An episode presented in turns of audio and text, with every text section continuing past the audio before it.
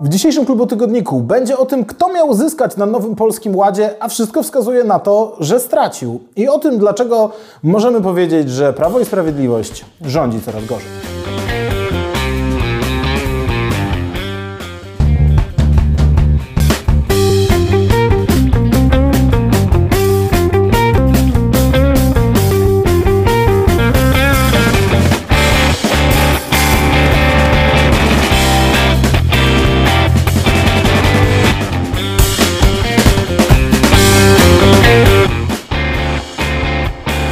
Ja się nazywam Piotr Trudnowski, a to jest Klubotygodnik na kanale Klubu Jagiellońskiego na YouTubie i na platformach podcastowych.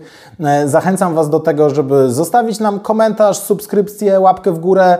E, jeżeli słuchacie nas na, nas na podcastach, możecie ocenić nasz podcast, dodać go do e, obserwowanych, wreszcie polecić swoim znajomym. Zależy nam na tym, żeby do nowych widzów, do nowych słuchaczy docierać właśnie dzięki Waszemu wsparciu, a nie na przykład dzięki algorytmom wielkich platform, bo doskonale wiecie, e, że one nie są do końca sprawiedliwe w tym, co polecają innym. W dzisiejszym klubu tygodniku chciałem zastanowić się nad tym, dlaczego Prawo i Sprawiedliwości idzie coraz gorzej. Coraz gorzej idzie rządzenie i coraz gorzej chyba idzie również radzenie sobie z emocjami e, społecznymi. Centrum Analiz Klubu Jagiellońskiego wydało piątą już edycję takiego naszego corocznego podsumowania e, rządów. Oceniamy w nim kolejne polityki publiczne i wystawiamy szkolne oceny w skali od 2 do 5. No i cóż, w tej piątej edycji okazało się, że ocena jest najgorsza w historii. W skali od 2 do 5 e, rządzący zasłużyli na mniej niż truje. 2,94 to średnia,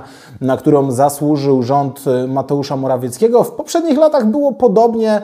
Od samego początku naszego rankingu te oceny oscylowały w okolicach trój. To zawsze była truja z małym e, plusikiem. Podsumowując pierwszą kadencję rządów PiSu, nazwaliśmy nasz raport nawet e, dostateczną zmianą, żeby wskazać, no, że do dobrej sporo jednak brakuje, no ale widać z roku na rok, że te oceny są e, coraz słabsze, coraz gorsze. Nie chcę szczegółowo wchodzić w ocenę konkretnych polityk publicznych, bo od tego jest raport. Wszystkie teksty publikowane są na łamach portalu klubjagielloński.pl, a cały raport, sto kilkadziesiąt stron takiej syntezy rządów tego, co się wydarzyło w roku 2021 możecie pobrać za darmo na naszej stronie internetowej. To jest raport, który powstaje w 100% misyjnie, bez żadnych dotacji, subwencji, e, grantów, ukrytych sponsorów. Realizujemy go dlatego, że Wy nas wspieracie finansowo. Dzięki temu możemy być w naszych ocenach niezależni. Zachęcamy do tego, żeby się z nim zapoznać i wesprzeć naszą działalność w tym obszarze, ale chciałem zastanowić się nad tym, jakie są te szersze, większe uwarunkowania, które sprawiają, że rządzącym rządzenie idzie coraz gorzej. Ale zanim do tego przejdziemy, tylko krótkie streszczenie tego, co najbardziej interesuje, kto poradził sobie najlepiej, kto poradził sobie najgorzej. Najwyżej ocenioną polityką w naszym rankingu jest polityka budżetowa. Dla wielu to może być zaskakujące, ale jeżeli spojrzymy na rok 2021, to ostateczny budżet nowelizowany w ciągu roku okazał się dużo lepszy od przewidywań tworzonych jeszcze w roku 2020. To jedyna polityka, która zasłużyła na czwórkę. Na trzy z plusem zasłużyły m.in. polityka administracyjna, polityka cyfryzacji, polityka planowania przestrzennego, budownictwa, budownictwa i mieszkalnictwa oraz polityka innowacyjna, podatkowa i środowiskowa. No ale właśnie wśród tych najlepszych ocen, żeby znaleźć się w tym gronie najlepiej ocenianych polityk publicznych, wystarczyła truja E, z plusem. Najgorzej tradycyjnie już została oceniona polityka wymiaru sprawiedliwości.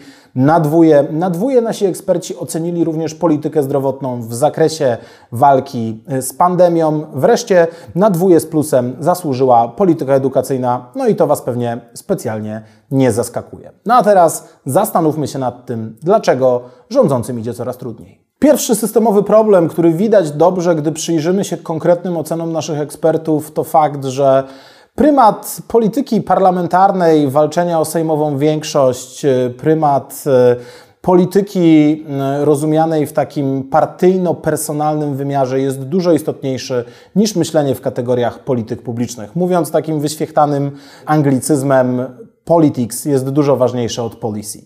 W tym roku widać było to bardzo dokładnie. Pamiętamy, jeżeli sobie e, przypomnimy, co działo się w 2021 roku, że były problemy z utrzymaniem sejmowej większości, utrata jednego z koalicjantów, potrzeba zastąpienia go różnymi innymi nowymi mikrokoalicjancikami, klecenie większości sejmowej i fakt, że rządzący nie mogą być pewni większości tak naprawdę w żadnym e, głosowaniu. Można powiedzieć, był to problem w połowie roku 2021, ale przecież ostatecznie udało się tą większość odbudować, udało się Kaczyńskiemu zbudować sojusz z Pawłem Kukizem e, i można powiedzieć, kontrola została przywrócona. No ale to dobrze wygląda tylko w deklaracjach polityków obozu rządzącego, bo w praktyce oni wiedzą, że w konkretnej sprawie zależą od opinii Zbigniewa Ziobry, w innej sprawie zależą od jakiejś zdeterminowanej mniejszościowej grupy posłów, których kilkunastu może nie zagłosować razem z rządem. Muszą myśleć o tym, co wydarzy się, jeżeli jacyś posłowie nie stawią się na głosowanie. Muszą negocjować z opozycją na temat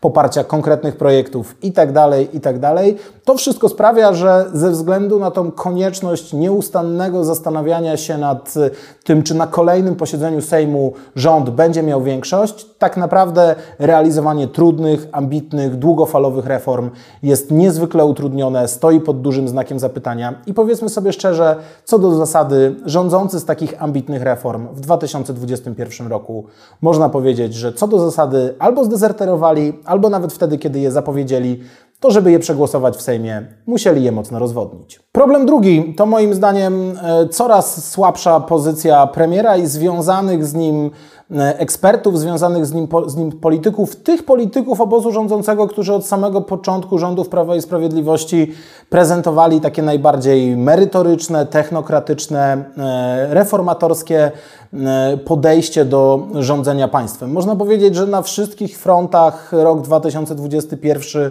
był dla Mateusza Morawieckiego i jego bezpośredniego otoczenia bardzo trudny i składał się na to e, cały szereg uwarunkowań. Z jednej strony mieliśmy chociażby, mamy właściwie cały czas, aferę mailową, która sprawia, że jedna z najważniejszych osób e, w otoczeniu premiera i jednocześnie jedna z osób, która na pewno wykazywała się wielokrotnie umiejętnością radzenia sobie z różnymi kryzysami, problemami. E, minister Michał Dworczyk jest tak naprawdę osobą, która musiała zniknąć z afiszy, musiała zniknąć z konferencji prasowych. Jest to przecież polityk, który na przykład odpowiadać miał za e, proces szczepień i fakt, że jego pozycja polityczna tak bardzo osłabła, był dużym ciosem dla samego Mateusza Morawieckiego. Ale kiedy spojrzymy na sytuację w partii, nieustająco słyszymy o tym, że są kolejne środowiska, kolejne grupy, które chciałyby odejścia Mateusza Morawieckiego. Nie jest to możliwe właśnie z powodów, o których powiedzieliśmy w punkcie pierwszym, czyli że ta arytmetyka sejmowa nie pozwala na wymianę premiera. Mateusz Morawiecki więc trwa, ale nieustająco jest osłabiany przez różne koterie w obozie e, rządzącym. Jego ludzie w spółkach Skarbu Państwa są osłabiani, inni nieustająco są, e, no właśnie, w takiej kroczącej dymisji w e, różnych medialnych, politycznych, środowiskowych atakach pod ostrzałem, co sprawia, że ta najbardziej zdolna do rządzenia i reformowania, reformowania państwa grupa polityków w obozie rządzącym po prostu ma coraz mniejszy wpływ na to, jak wygląda rządzenie krajem. I to jest chyba zła informacja tak naprawdę dla wszystkich, którzy chcieliby ambitnych reform w Polsce. Wyzwanie trzecie, z jakim w 2021 roku musieli mierzyć się rządzący, to fakt, że przyszedł czas, przynajmniej pierwsza faza spłaty pandemicznych długów. Wydawało się, że z wieloma problemami sobie poradziliśmy kiepsko, z innymi poradziliśmy sobie całkiem dobrze, ale że ten czas e, pandemii będzie zmierzał do końca. Tymczasem niektórzy od samego początku mówili o tym, że cała ta polityka, którą musi, musieliśmy prowadzić w roku 2020 w obliczu tego e, wyzwania pandemii, tak naprawdę będzie miała wieloletnie, długofalowe konsekwencje. I tak naprawdę pierwsze te poważne konsekwencje obserwujemy, e, obserwowaliśmy właśnie w 2021 roku. Powiem o e, trzech obszarach. Pierwszy obszar to oczywiście te długi zaciągnięte w polityce zdrowotnej, bo z jednej strony oczywiście mamy wyzwanie nadmiarowych zgonów, ale z drugiej strony mamy też w coraz coraz większym stopniu kwestie systemowych problemów w systemie ochrony zdrowia, problem ze zdrowiem Polaków, z tymi wszystkimi konsekwencjami związanymi z ograniczeniem dostępu do lekarzy w roku 2020 i nawet gdyby radzenie sobie z samą pandemią wyglądało w roku 2021 lepiej niż w roku 2020, a wcale tak przecież nie było, no to te długofalowe konsekwencje dla zdrowia Polaków będą po prostu obciążały rząd. Druga kwestia to oczywiście konsekwencje gospodarcze. Z jednej strony możemy cieszyć się, że wyniki gospodarcze były znacznie lepsze niż prognozowano, no ale z drugiej strony na przykład kwestia inflacji jest przecież prostą konsekwencją tego, co nie tylko my, ale wszystkie państwa Zachodu musiały robić w roku 2020.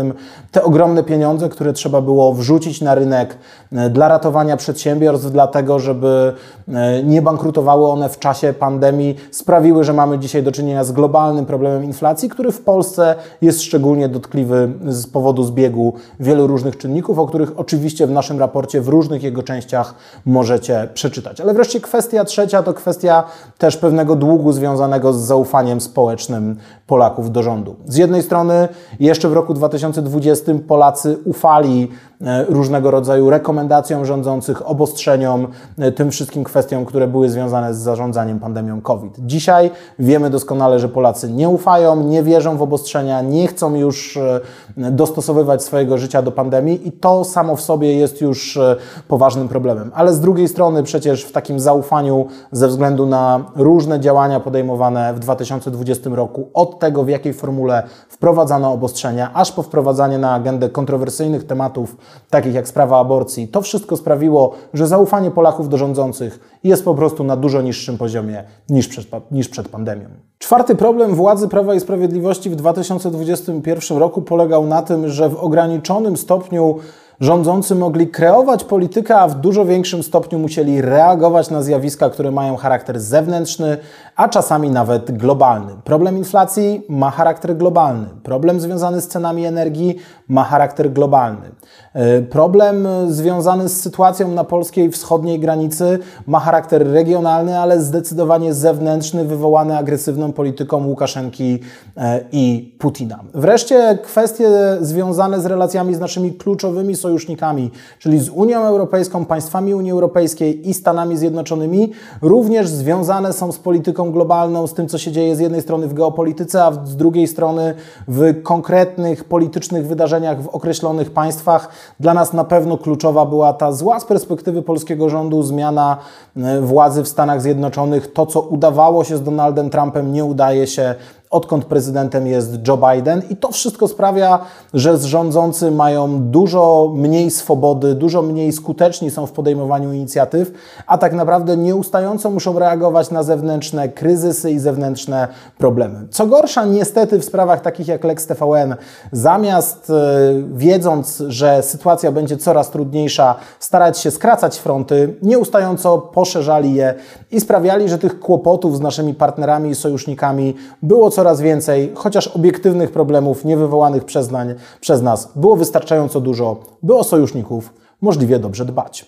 Piąty problem nazwałbym wyzwaniem złożoności. I to właściwie problem, który towarzyszy rządom Prawa i Sprawiedliwości od samych jego początków, od 2015 roku, ale chyba w tym ostatnim roku nabrał wyjątkowej rangi z tego powodu, że mogliśmy zobaczyć konkretną jego egzemplifikację, konkretny przykład i zrozumieć, co jest jedną z głównych zasad rządów Prawa i Sprawiedliwości. Otóż PiS bardzo dobrze radzi sobie z prostymi reformami wtedy, kiedy wystarczy wola polityczna, kiedy wystarczy powiedzieć, że e, chcemy coś zrobić, na co nasi poprzednicy nie byli gotowi. Na przykład wprowadzić program 500, albo 13 i 14 emeryturę, albo podnieść płacę płacę minimalną, kiedy chodzi tak naprawdę o jedną punktową zmianę, która będzie miała istotne przełożenie na życie obywateli, to partia Kaczyńskiego rzeczywiście jest zdeterminowana, by takie sprawy doprowadzić do końca. Sytuacja się komplikuje, kiedy mamy do czynienia nie ze zmianą punktową, ale właśnie dużym procesem, e, tak naprawdę zmian, próbą przeprowadzenia zmiany systemowej dotyczącej wielu obszarów rzeczywistości. No i chyba tak naprawdę już w pierwszych dniach 2022 roku zobaczyliśmy to w pełnej obfitości, widząc te wszystkie problemy, które rządzący mieli z wprowadzeniem e, zmian podatkowych, tego nowego polskiego ładu, który miał bardzo wielu Polakom poprawić ich sytuację gospodarczą, a samym rządzącym miał przynieść poprawę sondaży i dobre emocje społeczne. Okazało się, że jest dokładnie odwrotnie. Wiele osób uważa, że na polskim ładzie straci, a i rządzący tak naprawdę zajmują się dzisiaj nie spijaniem śmietanki z tej reformy, która miała poprawić sytuację gospodarczą wielu Polaków, ale nieustającym gaszeniem pożarów i przyklejaniem ład na tę nieudaną reformę. To niestety taka systemowa konsekwencja tego, jak Prawo i Sprawiedliwość podchodzi do rządzenia, zakładając, że wszystko można zrobić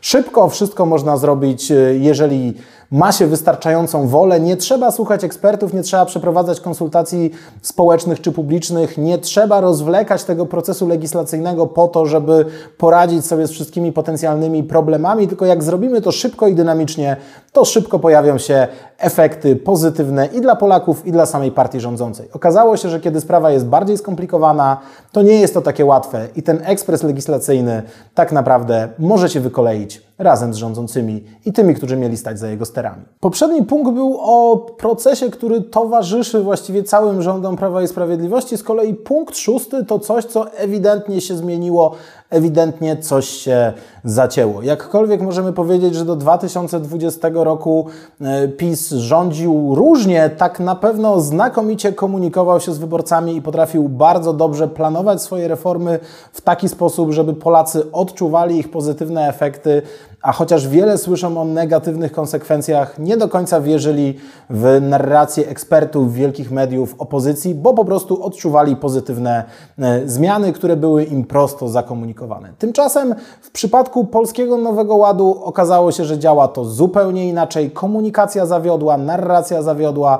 Można powiedzieć, że cały ten program w wielu punktach, jak mówiłem wielokrotnie w klubotygodnikach, słuszny, ciekawy i godny poparcia, został po prostu skopany od strony komunikacyjnej. Od samego początku e, ten program nie był dobrze komunikowany, a nawet jeżeli przyjrzymy się takim jego podstawowym założeniom, to został przeprowadzony dokładnie odwrotnie niż rządzący nas do tego przyzwyczaili. Pamiętacie wcześniejsze obietnice PiSu? Na przykład słynną piątkę Kaczyńskiego, to był komunikacyjny, PR-owy, narracyjny majstersztyk, majstersztyk. Pięć konkretnych rozwiązań, w większości opłacalnych dla Polaków, skierowanych do konkretnych grup wyborców, tak żeby każdy mógł czuć, że coś z tej oferty PiSu dostanie. Tymczasem Polski Ład to był dokument na dziesiątki stron, w którym pod jednym hasłem niewiele mówiącym zaszyto cały szereg różnych zmian co sprawiło, że ostatecznie Polacy tak naprawdę pamiętali tylko o tych zmianach podatkowych, które jak widać dzisiaj e, wcale nie przyniosły tych oczekiwanych efektów, tej oczekiwanej reakcji, również dlatego, że na jego efekty finansowe, również te pozytywne, wielu Polakom przyjdzie długo poczekać. Zanim zobaczą te pieniądze, które będą mogli zyskać dzięki Polskiemu Ładowi, minie sporo czasu, a na razie dzisiaj muszą kopać się z biurokracją, muszą kopać się z na przykład niższymi wynagrodzeniami tymczasowymi, czekać wiele miesięcy na wzrosty, nowe łaty, nowe próby obejścia tego, co nie wyszło. Zadziałało to dokładnie odwrotnie niż w przypadku programów takich jak 500. Tam był prosty komunikat: my wprowadzamy reformę, a ty miesiąc, dwa, trzy miesiące później odczujesz to w swojej kieszeni. Tym razem jest tak, że wprowadzamy reformę, ty na początku będziesz się denerwował, złościł, słuchał opozycji, mediów i ekspertów, a ewentualne korzyści zobaczysz za wiele miesięcy. A pozostałych elementów Polskiego Ładu, takich jak na przykład świadczenia rodzinne e, na dzieci, czy cały szereg innych niezłych pomysłów, które mogłyby wielu Polaków przekonać do propozycji PiSu, tak naprawdę w ogóle nie są kojarzone z Polskim Ładem i zniknęły gdzieś w tym gąszczu problemów, o których nieustająco słyszą Polacy. Także komunikacyjna maszyna PiSu, narracyjna maszyna PiSu zdecydowanie się zacięła i nie poradzili sobie z komunikacją tej reformy, za co aktualnie płacą również e, sondażowe koszty. I wreszcie punkt siódmy, siódmy problem, z którym rządzącym przyszło się mierzyć w 2021 roku i przyjdzie się mierzyć również w kolejnych latach To fakt, że morale w obozie rządzącym są coraz niższe i wiele osób po prostu nie chce już tak ciężko pracować na rzecz wspólnego sukcesu, jak robili to jeszcze 3 czy 4 lata temu. Myślę, że to też jest jeden z powodów, dla których nowy Polski Ład się nie udał, że wiele osób tak naprawdę uznało, że to jest projekt premiera, niech premier się z tego e, tłumaczy, niech premier sobie z tym radzi. Jak mu się uda, to powiemy, że wspieraliśmy od samego początku, a jak się nie uda, to będziemy mówili, że od samego początku To jest problem, który na pewno przychodził do każdej władzy w drugiej kadencji rządzenia. To jest problem, e, który pojawia się wtedy, kiedy sondaże są coraz gorsze, kiedy pojawia się coraz więcej znaków zapytania co do przyszłości. Jeżeli i tak mamy być w kolejnej kadencji w opozycji, to nie wypruwajmy sobie żył, nie pracujmy dla tych, do których dla tych, dla których wcale nie pałamy e, sympatią. Starajmy się stać z boku i czekać, co się wydarzy. Te słabnące morale to myślę w dłuższej perspektywie tak naprawdę największy problem, przed jakim stoi dzisiaj Jarosław Kaczyński i Mateusz Morawiecki, bo wiedzą doskonale, że nie mogą liczyć w 100% na własne polityczne zaplecze i pewnie tego w 2022 i 2023 roku obawiają się najbardziej. To moja propozycja siedmiu wytłumaczeń, dlaczego rządowi idzie coraz gorzej, dlaczego mamy coraz mniej skutecznych reform, a coraz więcej e, problemów. W coraz większych e, obszarach widać, że ta pisowska maszyna, która jeszcze kilka lat temu szła przez problemy publiczne, jak właśnie dobrze naoliwiony mechanizm, coraz częściej się zacina i coraz gorzej radzi sobie z różnymi problemami do rozwiązania. Ciekaw jestem Waszych wytłumaczeń, dlaczego tak się dzieje. Dajcie znać w komentarzach, jakie są Wasze opinie i czy rzeczywiście ten 2021 rok był e, w Waszej opinii gorszy niż poprzednie. Może uważacie inaczej. Dajcie znać w komentarzach, co o tym sądzicie. Ale na koniec chciałem zwrócić uwagę, że to wszystko nie oznacza, że uważam, że będziemy mieli już do czynienia z ostatecznym sondażowym zjazdem Prawa i Sprawiedliwości. Cały czas uważam, że wyniki wyborów 2023 roku nie są przez przesądzone i mam na, ten, e, na tą tezę trzy argumenty, które na końcu chciałem Wam przedstawić. Pierwszy to kwestia tego, że opozycja cały czas nie znalazła wiarygodnego języka do opowiadania o rządach PiSu w taki sposób, by wyborcy, by Polacy mogli uznać, że to opozycja będzie sobie lepiej od PiSu radziła z wyzwaniami, które stoją przed Polską. Cały czas jest reaktywna, cały czas jest e, pisocentryczna, cały czas nie potrafi opowiadać o sobie jako o nadziei, ale opowiada przede wszystkim o PiSie jako o problemie. To może być przekonujące do mobilizowania własnych zwolenników, ale wiemy to z poprzednich wyborów, że nie jest przekonujące dla tych, którzy na PiS głosowali i mieliby dzisiaj oddać inny głos niż robili to dotychczas. Dopóki opozycja sobie z tym nie poradzi, PiS cały czas możli ma możliwość,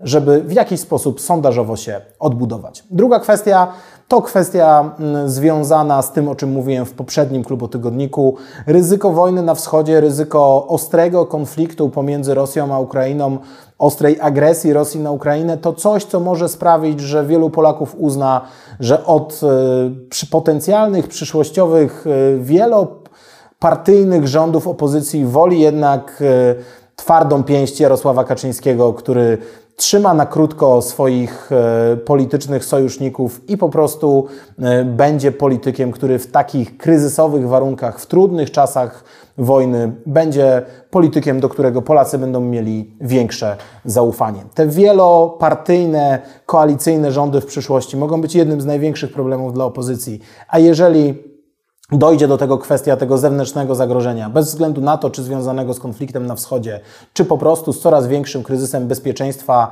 w naszym regionie i wychodzeniem sojuszników e, z naszej części Europy, to może być fakt, który będzie sprawiał, że Polacy nie będą chcieli koalicyjnych rządów i zmiany władzy w tych okolicznościach. I wreszcie trzecia kwestia, na którą chciałem zwrócić uwagę, to kwestia dość prozaiczna.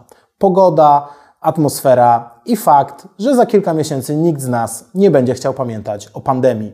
Wielu komentatorów i polityków uważa, że mamy teraz e, e, omikron, że mamy piątą falę pandemii, która ostatecznie pokaże Polakom, żeby rząd sobie z nią nie poradził i widzi w tym szansę na to, że Polacy od Prawa i Sprawiedliwości ostatecznie się odwrócą. Ja uważam, że będzie dokładnie odwrotnie. Omikron przez swoją specyfikę sprawi, że już ostatecznie wszyscy COVID-19 przechorują i wiosną będą mieli poczucie, że pandemia jest już naprawdę za nami i nie będą chcieli więcej o niej słuchać. A ta wielomiesięcznia, na, czy właściwie już wieloletnia narracja opozycji nie będzie nikogo interesowała. I fakt, że politycy i komentatorzy opozycyjni nie rozumieją tego podejścia Polaków do pandemii, jest czymś, co długofalowo będzie działało na korzyść Prawa i Sprawiedliwości. Nawet jeżeli statystyki zachorowań i zgonów będą pesymistyczne, to wiosną Polacy nie będą chcieli o tym pamiętać, a Prawo i Sprawiedliwość będzie miało szansę, by kolejny raz spróbować się odbudować. To był Klubotygodnik. Audycja Klubu Jagiellońskiego, dostępna teraz w wersji YouTube'owej i podcastowej. By nie przegapić kolejnych odcinków, subskrybuj nasze kanały na YouTube, Spotify lub Apple Podcast. A najlepiej zapisz się na nasz newsletter, wchodząc na www.klubjagielloński.pl. Tam też możesz wesprzeć finansowo naszą aktywność podcastową i vlogową. Bardzo to prosimy.